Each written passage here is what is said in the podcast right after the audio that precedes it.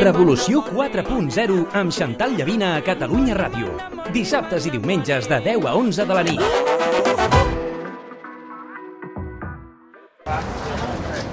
Saps que encara estic buscant cotxe? I ja t'has decidit? Ui, no, ja m'agradaria. A veure, per què el necessites? Doncs per anar a la feina cada dia, fer escapades... I per entrar a la ciutat, no? Exacte. I, és clar que no sigui car. Doncs sí.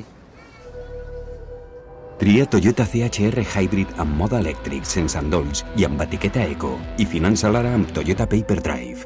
Toyota, sempre millor. T'esperem al nostre centre oficial Toyota Teams Motor al carrer París 70 de Barcelona. Tens dubtes sobre com pots reactivar el teu negoci? La Cambra de Barcelona et vol ajudar amb assessorament i projectes adaptats a les teves necessitats. Consulta la nostra pàgina web www.cambrabcn.org o bé truca al 902 448 448 i t'ajudarem. La Cambra, sempre al servei de les empreses i autònoms. I ara més que mai, fem-vos costat. Tot em sembla si estic amb tu. Revolució 4.0 a Catalunya Ràdio amb Xantal Llavina. També som a Facebook, Twitter i Instagram. Ens trobaràs a arroba Revolució 4. Revolució 4.0 aquesta temporada. Dos dies, dissabtes i diumenges, de 10 a 11 de la nit i sempre a la web. Masterclass Becerra. Amb Santiago Niño Becerra. Acaba la Setmana Santa, uns dies en què molta gent ha pogut fer uns dies de vacances i molta gent també no ha fet vacances però ha treballat molt, hotels, avions, trens, tot ple. No? El turisme s'ha disparat aquests dies, és una prova que arriba la recuperació econòmica. En parlem de seguida amb Santiago Niño Becerra. Hey, it's a holiday. I got hoes on hoes and they out of control, yeah. Hey, it's another way. Bona nit, Santiago Niño Becerra, què tal? Com estàs? Chantal, què tal? Bona nit, Chantal, bona nit. Bona nit. Com ha anat aquest Sant Jordi? Uh, aquest dissabte 23 has venut molts llibres? Molt bé, molt bé, molt bé. Sincerament, molt bé, tu. Estàs content, eh? Sí, sí, sí. Recordem sí, sí. el teu I a llibre. més la gent molt, molt, molt afable, molt bé, molt bé. Molt simpàtica. Futur, Sí. quin futur? Suposo que et deien, no siguis tan pessimista, Santiago. No, bueno, no.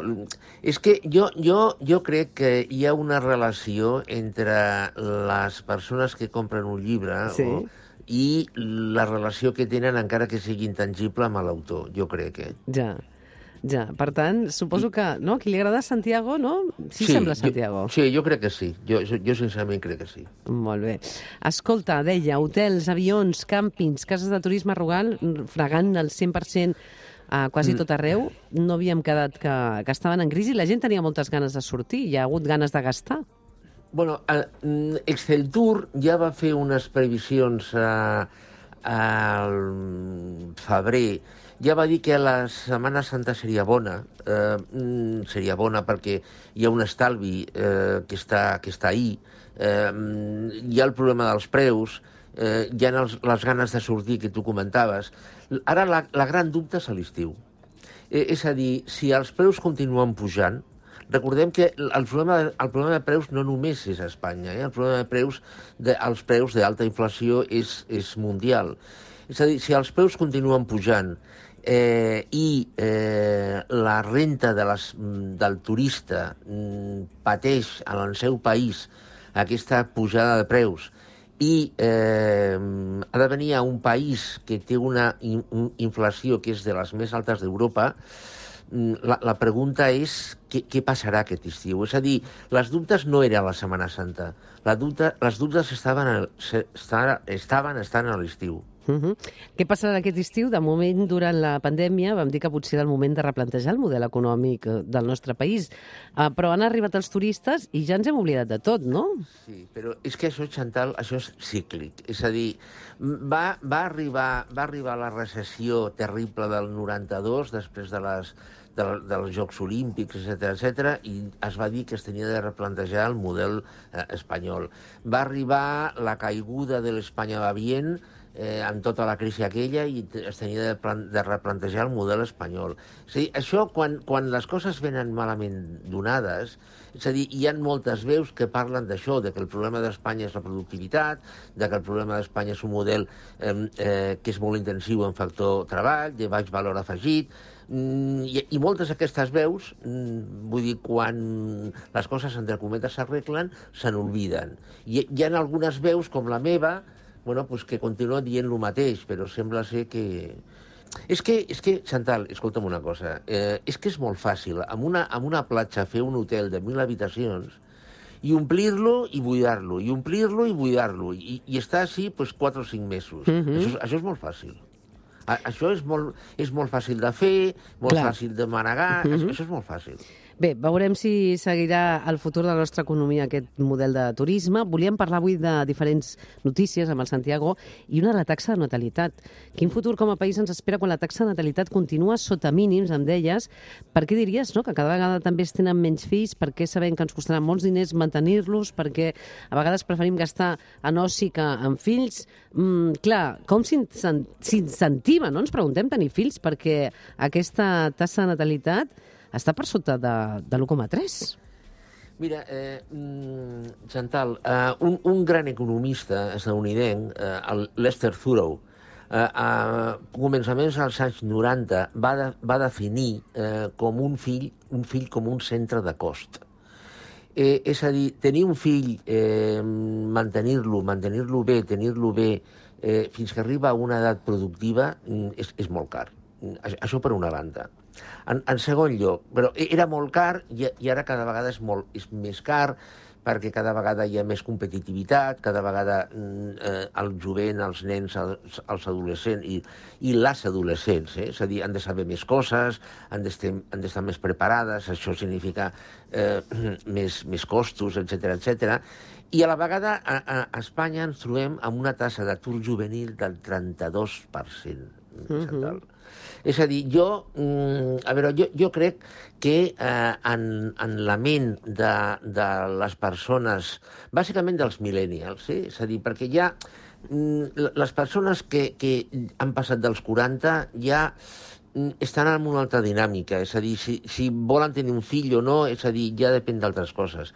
Però si els millennials s'estan eh, plantejant comprar un cotxe perquè poden mantenir-lo o no, o almenys molts millennials, és a dir, un fill, mm, ells han viscut, perquè mm, pràcticament tots els millennials han tingut germans, eh, ha- han vist mm, el cost, han vist el... I, i, i veuen la realitat i jo, jo no, Per no tant, veig... s'haurà d'incentivar d'alguna manera, eh? No hi haurà prou amb desgravacions fiscals o una ajuda d'uns quants euros, no? Caldrà, també? Bueno, hi, hi, ha, hi, ha, hi, ha, hi, ha, hi ha teories, hi ha teories eh, Chantal, que apunten a que la natalitat no creixerà, però la població serà mm, bueno, reomplida amb immigració. ¿Qué pasa? Multinacionales, macroeconomía, dura competencia. ¿Qué pasa? Lucha animal, ellos quieren más, más, más, más. Deia Santiago, amb immigració, un altre tema que volem parlar, globalització alternativa. Aquest és el capellà roquer Padre Johnny, el capellà que va trencar esquemes amb cançons com aquesta. I avui vull parlar d'un tema que comentaves a la teva xarxa de Twitter, la globalització. A Twitter plantejaves una qüestió interessant. Portem dècades insistint a pimes i empreses més grans la necessitat de globalitzar-se i ara, amb tot el que està passant, es parla de la importància de la localització i la concentració. En què quedem, Santiago? Bueno, a veure, és veritat eh, que quan es va començar a parlar d'una forma mm, oberta, forta, de que era necessari globalitzar-se, que això va ser a començaments dels anys 80, la el nivell de tecnologia mm, era, bueno, pues era, bé, no diré pobre, però era molt limitat. Avui dia és possible, mm, amb la tecnologia, avui dia, eh, eh, amb la tecnologia que tenim ara, eh, eh, és possible mm, pràctica, mm, pràcticament fer qualsevol cosa en qualsevol puesto. Lla- Llavors, aquesta necessitat, i, i el que diré és, és, és fort, eh? eh? però aquesta necessitat d'anar-te en un país subdesenvolupat eh, a produir perquè els salaris eh, eren baixíssims, les condicions laborals eren dolentíssimes, la precarietat brutal, i a sobre hi havia una dictadura, és a dir, amb la qual eh, la protecció de qui anava a produir era total, bueno, doncs ara molt d'això ha desaparegut. Mm, eh, llavors, ara la tecnologia ha baixat, ha baixat tant de preu que et, et permet mm, fer eh, tirades molt curtes, eh, molt, molt a prop dels mm, punts de consum, amb la qual a, a sobre te- t'estalvies, no només a l'estoc, sinó que t'estalvies al eh, transport. Amb, amb la qual clar, aquesta, aquella necessitat de globalització que hi havia mm, ha, ha baixat moltíssim. Eh, ara, mm, mm, això, això per una banda. Ara, dir que eh, ja no és necessària, de que la globalització ha mort, que s'ha de tornar a la relocalització, bueno, jo, jo això no ho crec, perquè eh, en, el, en el comerç eh, hi ha una sèrie de productes estratègics que eh, mm, es tindran de continuar mm, bueno, comerciant i fabricant en altres puestos. Molt bé. Doncs, per tant, eh, uh, si ara muntés una empresa, eh, per anar acabant, avantatges i inconvenients que em pot suposar fabricar el meu producte aquí o a 6.000 quilòmetres, no? Què em diries ràpidament, Santiago? Bueno, eh, depèn, si hi ha tecnologia mm, per fer-la aquí, eh, evidentment, mm, jo em plantejaria fer-la aquí. Clar, no caldria.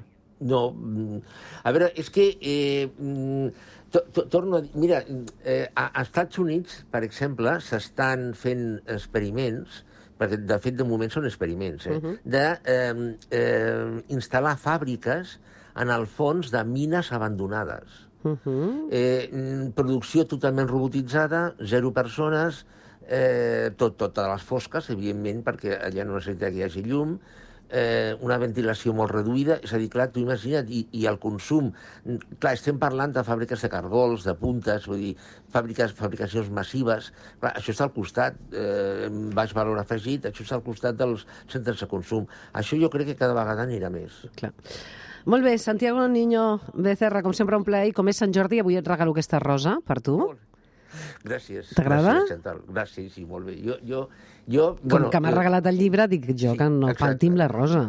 Molt bé, perfecte. Una abraçada ben forta. Gràcies, Chantal. Chantal, bona nit. Bona nit.